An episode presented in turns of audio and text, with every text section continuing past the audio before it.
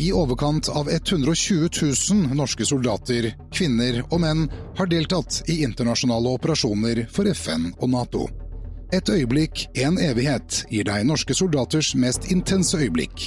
Øyeblikk som varer en evighet. Ja, velkommen til Et øyeblikk i en evighet, eh, og en episode som skal ta oss eh, både rundt omkring verden i tid og rom. Og jeg vil jo da begynne med å ønske deg velkommen, eh, Arve Lauritzen. Jo, takk for å bli invitert. Du har vært med en god stund, og er hva skal vi si for noe, nettopp blitt arbeidsledig pga. det russiske angrepet på Ukraina, der du var OSSE-observatør. Ja, det stemmer. Jeg var for OSSE i Ukraina i til sammen fire og et halvt år. Et år i 2015-16 og fra 2020 og fram til jeg måtte evakuere 26.2 i år. Det er vel på en måte så langt din, ikke slutten på karrieren, men i hvert fall et, et hvileskjær i din karriere. For det begynte nemlig for lenge siden. Du var jo en av de som fikk lov å begynne i Forsvaret før du egentlig var gammel nok. Ja, ja, jeg gikk uh, befalsskolen for feltartilleri på Haslemoen i 1975-76. Og jeg var 17 år da jeg begynte, og fylte 18 i løpet av skoleåret. Så var det pliktår? Ja, jeg hadde plikttjenesten ved garnisonen i Porsanger. På luftvernbatteriet på Banak flystasjon. Og så hadde jeg et år som fenrik også på GP, før jeg vendte sydover. Ja, og for du var nemlig med eh, omtrent fra starten i Libanon, i Unifil. Kontingent to for din del? Ja, jeg kom ned i september 1978 og var da ung fenrik, 20 år gammel, og var sambandsoffiser og ansvar for nærforsvar og vakt og sikring til norske feltsykehuset Nordmed KOI. Jeg har lyst til å snakke litt om dere som var med i den tidligere fasen av Unifil. Hvordan var det å komme ned som 20-åring fra ja, rett og slett fredelige, rolige Norge, eh, og bli sendt da rett ut i det som fortsatt var en ganske brutal borgerkrig? Ja, det er klart det var en eh, spesiell opplevelse for en uh, ung mann som støttak hadde vært utenfor Norge. Men i den alderen så du er udødelig, og du synes nok ting kanskje er spennende. og ja, nå opplever jeg noe nytt, og det her blir spennende. Kan du fortelle også, du, du kommer da ned til Beirut. Det var der dere ble innkvartert, altså inn, inn, det var inngangen til, til Libanon. Hvordan arta det seg for deg? Jeg husker det veldig godt. Vi fløy Hercules ned til Beirut, og det var vel den 23. september, så vidt jeg husker. Og når du kom innover, fløy innover Beirut, så så du Vi kikka ut fra Kuwait i Herkulesen, og du så sporlysene som gikk opp i lufta. og Vi kom oss ned, og vi hadde første natta, husker jeg veldig godt. Vi lå på en uh, utskutt uh, hangar inntil en uh, halvskutt vegg, holdt jeg på å si, på flyplassen i, i Beirut. Og det, vi hørte skyting og knatring og sporlys, og det var fascinerende for en ung mann. fascinerende. Noe, du hadde ikke noe ønske om å bare snu og bli med herken hjem igjen? Nei, jeg hadde ikke det. Jeg, jeg var innstilt på at det her skal jeg gjennomføre. og vi, vi tar en dag om gangen og ser hvordan det går. Men Du var i den eh, rotasjonen hvor altså, du dro til Nakura med feltsykehuset? Ja, vi dro i, i kolonner fra, fra, Beirut langs kysten og ned til eh, Nakura, hvor nordmenn Nordmed Koi var forlagt, ved siden av hovedkvarteret. og ja. Mens den andre hovedstyrken den, eh, den, den, tok til venstre der borte og kjørte opp til Norbat? Den kjørte opp til Norbat, og da fikk vi høre, når vi kom fram til Nakura, at det hadde blitt skutt mot den kolonnen at en nordmann hadde blitt eh, skutt. Men det vi fikk høre, det var at han var ikke drept, men eh, skada. Og det gjorde inntrykk. Da skjønte vi at det her er faktisk eh, alvor. Ja, for det var det første alvorlige incidenten? De som var i eneren, hadde jo hatt sitt, men det var den første i forbindelse med rotasjon og kontingent to.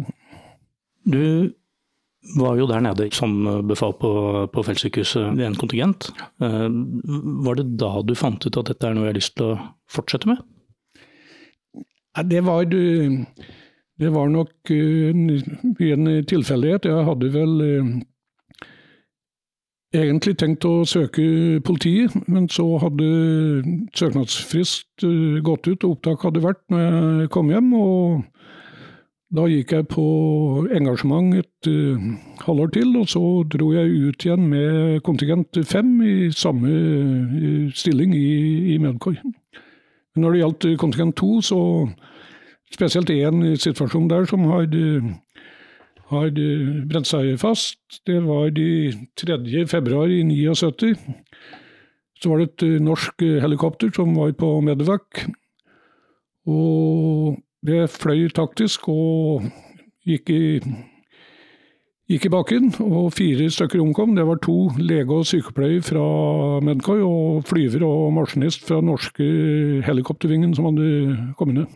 Og De bodde jo rett ved dere, så du, du kjente jo disse menneskene? Jeg kjente de, Vi var en liten familie, og norske helikoptervingen de var jo de lå jo rett ved siden av Medcoy, og vi omgikks jo daglig. Du fortalte meg at du, eh, du, slapp jo, eller, altså, du slapp jo aldri helt taket i Libanon, så selv etter kontingent 5 så, så fikk jo du enda en uh, tur ned. Da som sjef. Ja, jeg var eh, Jeg tjenestegjorde hjemme her på 80-tallet. Jeg var i brigaden i Nord-Norge. Jeg var skole- og øvingsavdelinger i Sør-Norge. Men i 1992, og det var faktisk Jeg husker jeg leste daværende Forsvarsforum. Og infanteriinspektøren den gangen, Trond Furuhovde, så vidt jeg husker, han mente at alle nøkkelstillinger i den norske bataljonen burde være infanterioffiserer. Og da sa jeg at det kan jeg ikke helt skjønne hvorfor det er et må-krav at du skal være infanterist, så jeg søkte som eh, kompanisjef. Og Det fikk jeg, og så vidt jeg vet så var jeg første ikke-infanterist som var kompanisjef i, i Norbat. Og det var faktisk det, For å ha litt humor omkring det, det var det ekte Kompani Lauritzen. Det som vi har sett på TV, det er fake. Du, var første Kompani Lauritzen-sjef. Ja, men det, det, skal vi formidle videre, så at de har plagiert eh, her. Litt spøk til side, dette var jo i kontingent 29 og 30, hvor du var ja. Eh, kompanisjef. Hvordan var det å komme ned igjen? Etter å ha vært med i kontingent 2 og 5, og så Det har jo vært en For oss som har vært i Libanon, har vi sett en rivende utvikling eh, både på eh, situasjonen på bakken, men også sånn politisk. Var det, var det, noe du merket når du kom ned som sjef? Det, var jo to helt uh, forskjellige situasjoner. For det første hadde jo skjedd mye i, i Libanon siden jeg var i kontingent 5, bl.a. invasjonen i, i 1982 Israel hadde trukket seg delvis ut, og det var etablert en eh, israelsk kontrollert belte. Du hadde den sørlibanesiske hæren, altså DFF som vi kalte det. Så både politisk og ikke minst militært hadde jo skjedd veldig mye. Og, og jeg kom jo som uh, kompanisjef så kom jeg jo til Norbat, og mine to første kontingenter de var jo i, i Nakura, i Medcor, så det var jo en helt ny situasjon. Både jeg holdt på å si, sted å tjenestegjøre, og også hva som skjedde i, i Libanon som sådan. Det var ikke bare Libanon for deg, fordi du, du fikk jo med deg ganske mange FN-operasjoner som var under eh, både oppseiling og avvikling eh, akkurat i den tiden. Ja, når jeg kom hjem fra, fra Libanon i 93, så fikk jeg først eh, jobb som planoffiser i FN i, i daværende hærstaben, i Forsvarets eh, overkommando. Og så fikk jeg etter det jobb i, i FN-avdelingen i, i, operasjonsstaben i, i, Forsvarets eh, overkommando. Og jeg var med og planla og, og fulgte opp på det vi hadde av FN-oppdrag, og det var jo ikke minst eh, Jugoslavia, som da tok av. Så jeg hadde mange oppdrag i Jugoslavia. Og ja, fram til ja, mellom 93 og 96 da jeg faktisk reiste til Libanon igjen som S3 og operasjonsoffiser i, i Norbat. Så jeg jobba jo egentlig med FN. Eller jeg har jobba med internasjonalt faktisk mer eller mindre siden i 92. Du fikk til og med en tur til Somalia for å hjelpe oss ut derfra når tiden var inne for å trekke seg ut derfra?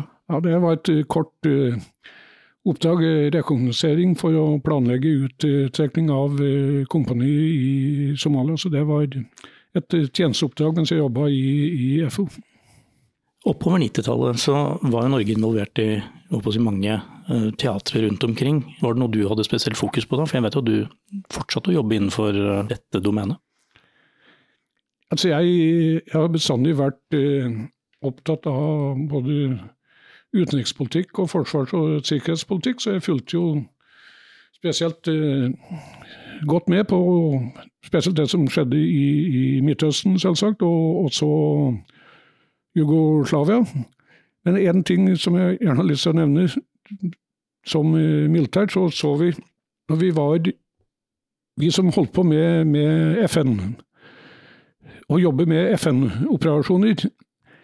Det, det, var en fokus på FN når vi gikk inn i 78 og kanskje en par kontingenter, og i, i 82 og så gikk det litt i bølger. Men det viste seg jo kjapt at vi som jobba med FN, det var et blindspor som yrkesoffiser.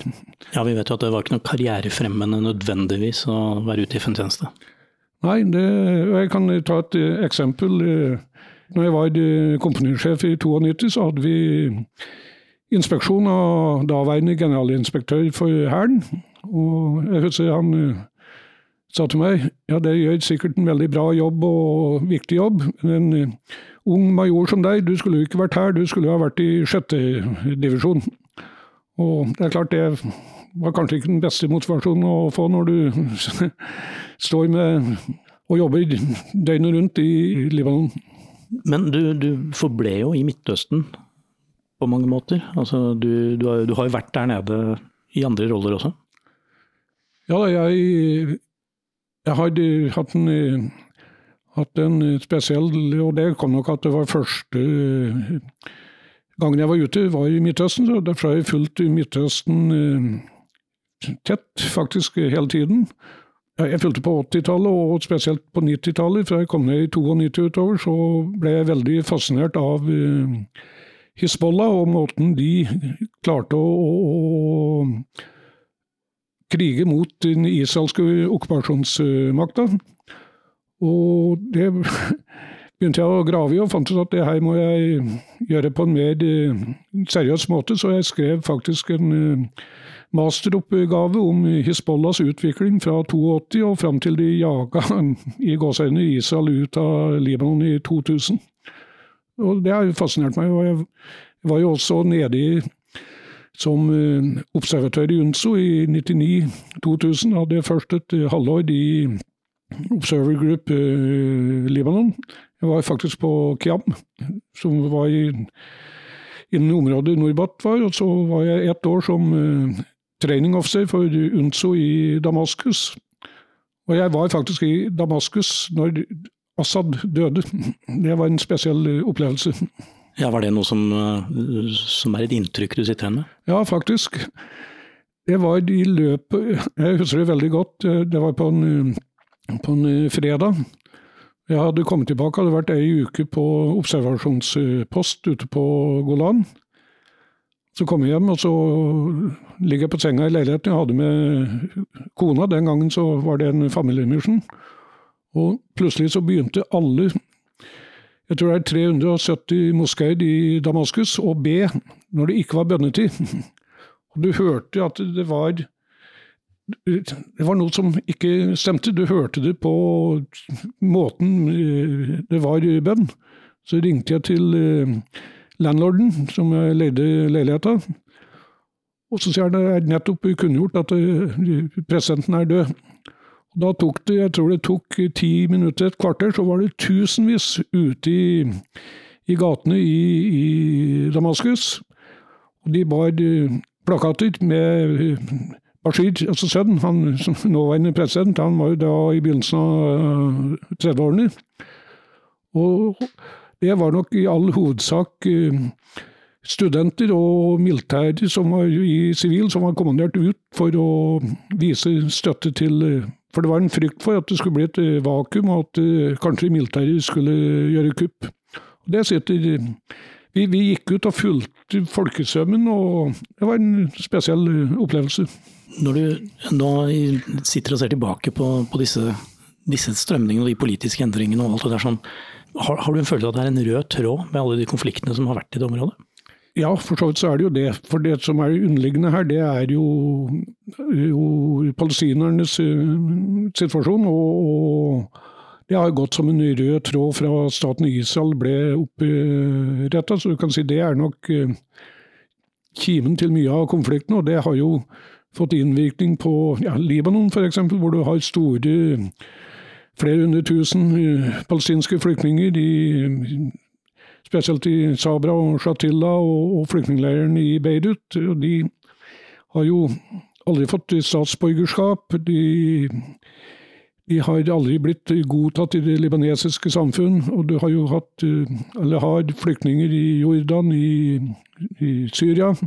Så det har nok vært en underleggende eh, årsak til konflikten. Men så har du jo også konflikten mer generelt mellom araberne og Israel, og det å akseptere Israel som stat. Og, ja, det er et veldig komplisert Men jeg ser ikke noen snarlig løsning. Det er vel ikke så mange som gjør heller, kanskje. Men uh, historien din fortsetter jo. Du, uh, du, har ikke bare vært i Midtøsten? Nei da, det har ikke. Jeg ja, når jeg kom hjem fra, fra UNSO, så jeg hadde tre år som jeg på, på deltid. Mellom 2000 og 2003 så jobba jeg som instruktør ved det finske militære treningssenteret i Nini Salo i Finland hvor du utdanner FN-observatører. Og i 2003 til 2007 så fikk jeg jobb som assisterende militærrådgiver ved den norske FN-delegasjonen, altså den norske FN-ambassaden i, i New York. Og i den jobben så fulgte jeg spesielt med på utviklinga i fredsforhandlingene i Sudan, og var på flere reiser. Jeg fulgte både den militære og, og politiske utviklinga i Sudan mens jeg var i New York da, mellom 2003 og 2007. Og der fikk du jo en fredsavtale i 2005, og det ble opprettet FN-styrke i Sudan. og ja, så Sudan Men i tillegg, når jeg var i, i New York, så besøkte vi jo som militærrådgivere flere av FN-misjoner rundt i verden. Så jeg har vært på Haiti, Elfenbenskysten, Liberia, Sierra Leone ja. Ja. Jeg, jeg, tror jeg har vært innom de fleste FN-misjoner på kortere og lengre besøk. Ja, Vi glemmer jo ofte det at eh, FN er overalt og har observatører og, og er engasjert eh, mange andre steder enn det vi tenker på her hjemme. Ja, det det er riktig, og, det, er, det, har vært eh, spennende og lærerikt å besøkt ikke bare Midtøsten, men også Afrika og andre steder. Og ikke minst uh, Afghanistan. Ja. Etter hvert så ja, For å gjøre lang historie kort. Etter at jeg kom fra, fra New York i 2007, så ble jeg spurt i 2008 å søke permisjon fra Forsvaret for å søke jobb som ambassaderåd på den norske ambassaden i Khartoum i Sudan. Det gjorde jeg, og var der fra 2008 til 2011. Veldig spennende. Jeg var bl.a. i Sudan og i Sør-Sudan ble selvstendig i 2011, og jobba spesielt opp mot de militære ja, både i, i Sør-Sudan og, og, Sudan før, før landet ble delt i to. Men i 2000 og, må jeg tenke, 2012 til 2013, da var jeg ute. Det var siste tjenesten jeg hadde som uh, militær. Da var jeg militærrådgiver for uh, FN i Afghanistan, i Unama. Det var en utrolig spennende og kanskje litt, eh, litt for spennende innimellom.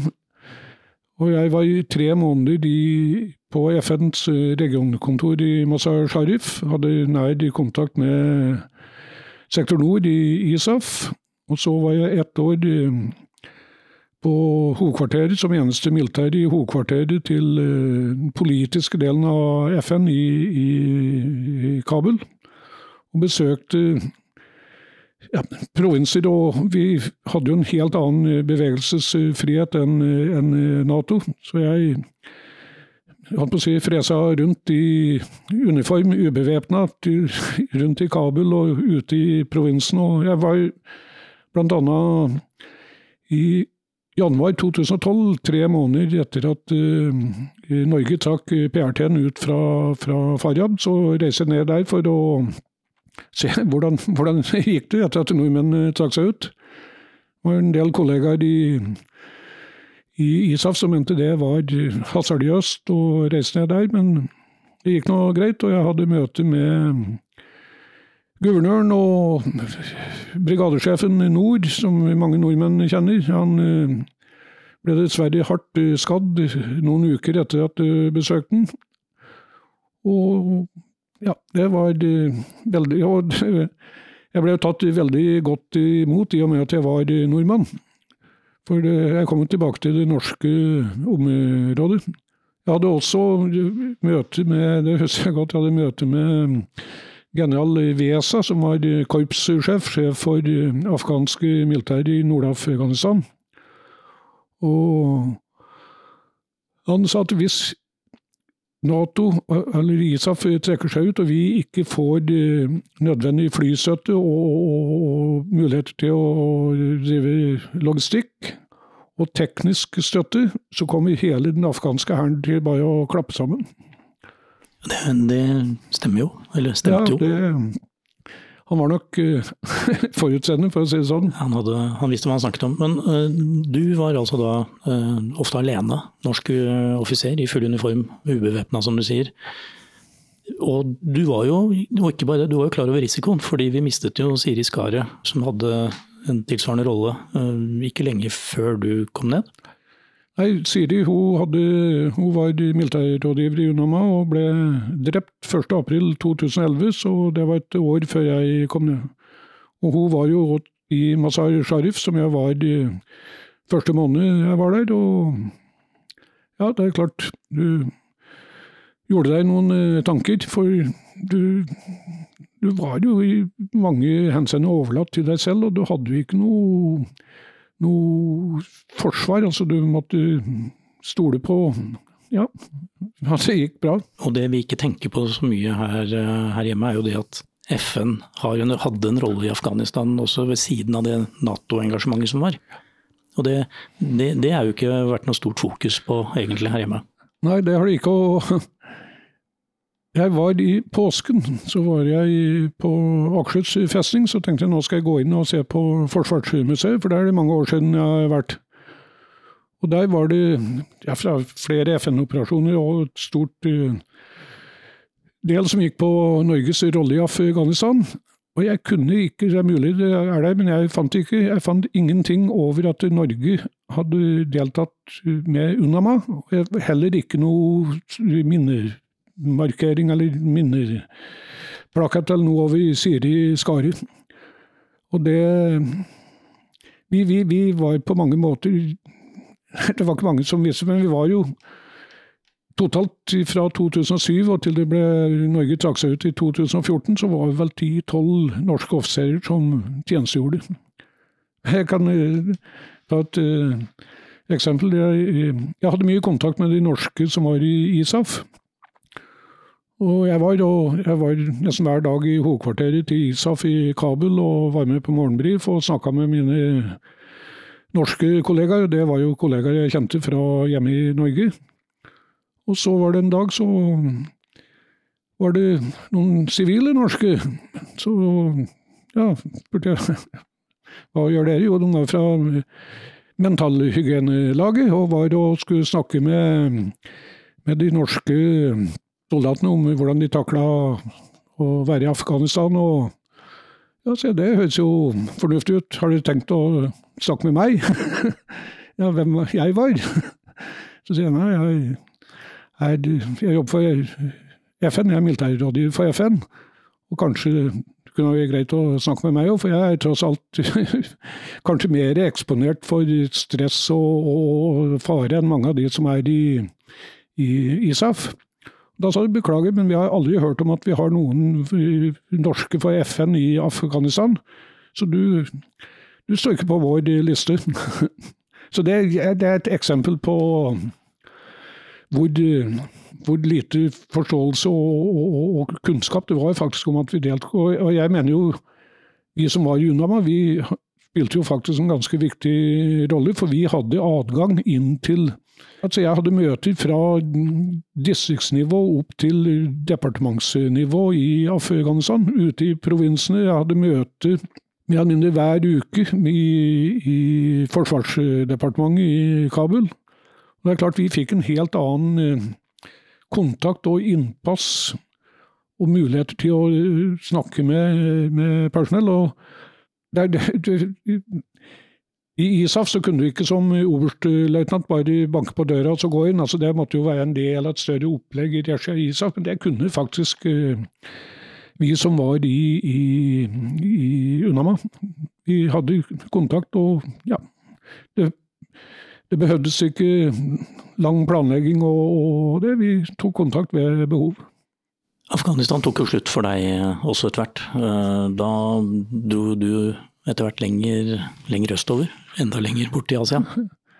Ja, jeg gikk av i Forsvaret, 57 år gammel, i, i 2014. Og da hadde jeg Første oppdraget jeg hadde etter jeg gikk av, da var jeg et 2000 14-15 så var jeg på Filippinene som sivil observatør i Mindanao-provinsen sør på Filippinene. Det tenkte jeg når jeg fikk den jobben, ja det blir fint å dra til Filippinene, for dit uh, reiser jo folk på ferie. Men uh, det skjønte jeg fort at Mindanao og sørlige del av Filippinene, det var ikke noe feriested. Det var faktisk til tider mer voldelig enn det jeg opplevde i Afghanistan. Og jeg tjenestegjorde som sivil i gåseøynene i en militæravdeling fra Hovedtyngden var fra Malaysia, men også fra Indonesia og Brunei. Og frykten Det var veldig få, få europeere. Så frykten det var kidnapping fra Abu Sayyaf. Så jeg hadde to livvakter med meg uansett hvor jeg bevega. En fra regjeringsstyrkene og en fra islamske opprørsstyrkene i Mindanao. Så det var en erfaring ha med.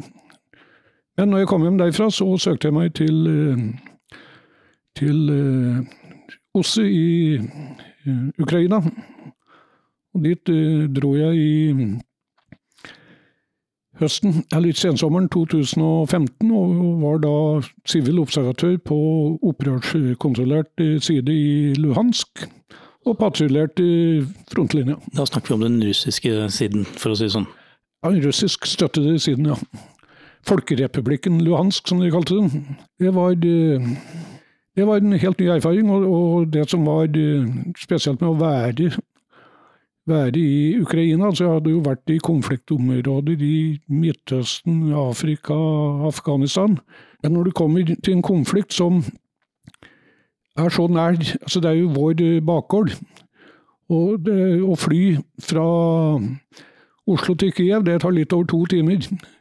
Og folk der, de lever stort sett som oss. De ser ut som oss. De ter seg som oss. Så det blir mye mer ja, det blir mye mer nærmere, og det gjør inntrykk på en helt annen måte.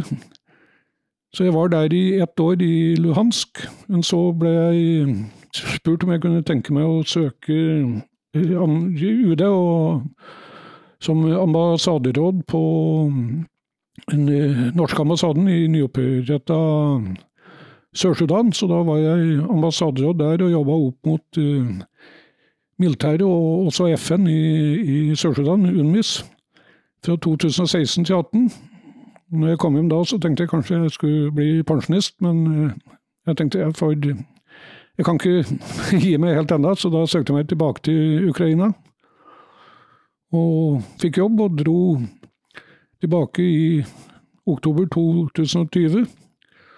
Da havnet jeg i team i Donetsk med base i Kramatorsk på ukrainsk side.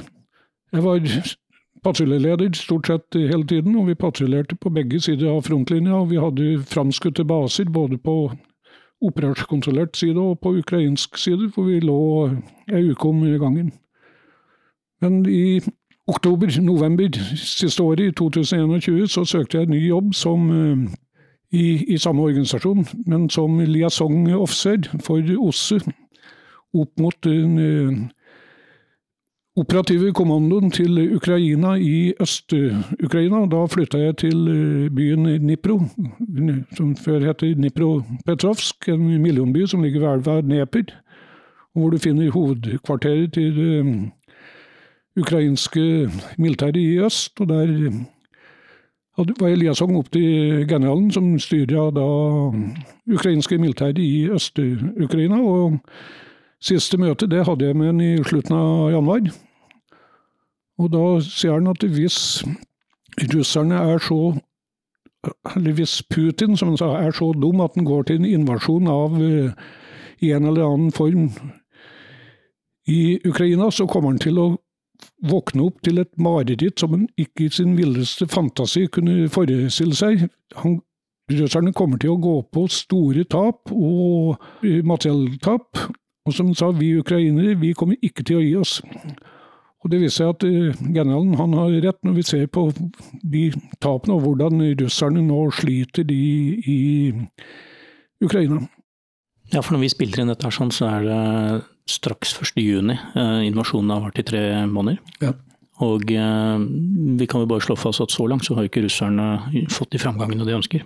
Nei, definitivt ikke. og mens vi sitter her nå og snakker, så ja, faktisk i dag så er det harde kamper om byen Sevrodonetsk, som ligger i Luhansk fylke. Og russerne altså de bomma jo på De klarte aldri å ta Kiev, de klarte aldri å ta Kharkiv. De har ødelagt Mariupol nede ved Azovhavet, lagt det i grus, og har mer eller mindre kontroll over kysten av Azovhavet, men de har ikke klart å ta Odessa, som er den viktigste havnebyen. Men hvis de nå skal Hvis de klarer å ta Sevrodonetsk i Luhansk fylke, så skal de fortsette sydover i Donetsk oblast fylke, og der ligger byene på rekke og rad. En helt annen befolkningstetthet og struktur enn du finner i Luhansk. Så de må ta byer som Kramatorsk på 150 000, Bakhmut, Konstantinivka, Djusivka altså, Det her er byer med befolkning fra 30 000-40 000 og opp til godt over 100 000. Og jeg tror ikke de klarer å få ta og få kontroll, og skulle de mot formodning klare å få kontroll over hele Luhansk og Donetsk og kysten av Azovhavet. Da vil de få ei frontlinje, først 50 mil fra Kharkiv og sørover ned til Mariupol. Så vil de ha 50 mil fra Mariupol fram til Odessa. Så det vil si at de vil få ei frontlinje på 100 mil. Og det er omtrent samme avstand som fra Oslo til Bodø. Og du skal ha en del styrker, for én ting er å ta det, en annen ting er å okkupere og holde det. Så jeg tror det her kommer til å ja, de, Jeg har sagt det tidligere, det er mission impossible.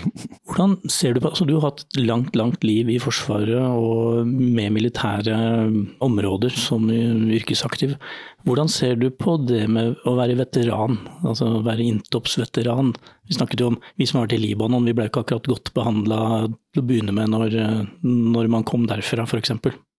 Ja, altså det å være Intops veteran, det, det har nok uh, satt sine spor. Men samtidig så har jeg vært veldig bevisst for meg selv at jeg kan ikke det kan liksom ikke definere livet mitt at jeg har vært ute med FN for 44 år siden første gang. Men uh, jeg, er, jeg er stolt av den jobben vi har gjort, og som jeg kanskje i mange henseender mener er blitt ikke veit satt på den måten som det burde blitt, spesielt for oss som var i Unifil. Og jeg har lyst til å nevne Det blir mange sammenhenger jeg har vært gjennom åra liksom man kunne få inntrykk av når noen snakker som ikke var med i starten, og som kanskje ikke var gamle nok, holdt jeg på å si, at det, Unifil, eller Norge, når de skulle til Libanon, så kan det høres ut som Forsvaret nærmest gikk i gata i Oslo og sanka inn folk og lurte på har du lyst til å være med til FN til Libanon. Det er mange som gir inntrykk av at det her var totalt uh, kaotisk, og du plukka folk her og der for å få satt opp avdeling, men det er jo så langt fra virkeligheten som det går an. I 78, når vi dro, så FN-bataljon, det var en beredskapsbataljon, altså en FN-beredskapsbataljon, som var øremerka for FN-oppdrag. Den hadde vært på repetisjonsøvelser, så vidt jeg vet, både i 76 og 77. Og den handlingsviljen og evnen som både den politiske og militære ledelsen viste da i, på vårparten i 78, det har vi nok aldri sett før, og kommer nok aldri til å se igjen. Og hvis en tar det veldig kort, så fikk Norge forespørsel fra FN 21.3 i 78, midt i påska for øvrig. 22. mars var det ekstraordinært statsråd. 28. mars gikk det ut innkalling om eh, fremmøte. 25. mars, allerede 25. mars reiste et forparti til eh, Libanon. Og hovedstyrken, en hel infanteribataljon, var på plass 5. april. Og det er en operasjon som jeg synes at det kanskje kunne ha vært litt mer kjent. Og de som eh, snakker om Unifil-tilstander, burde nok kanskje sette seg inn i hvor, hva som skjedde i de dagene på vårparten. Og det er klart, under de forholdene som var i 78, så mener jeg det var gjort på en utrolig effektiv og, og, og ikke minst uh, veldig handlingsvillig, både fra politisk hold og militært hold. En annen ting som, uh, som slo meg når, når, jeg hørte på deg nå, det var dette forsvaret av Ukraina. Når vi ser hvordan de har stått imot angrepet fra Russland, så de viser jo en ekstrem forsvarsvilje i befolkningen og i Forsvaret overalt. Er det mulig å trekke paralleller? Er det noe vi kan lære av det her i Norge, i forhold til å tenke forsvar og tenke motstand? Jeg tror det, kanskje viktigste det er at vi må erkjenne at frihet det er noe som ikke kommer av seg selv.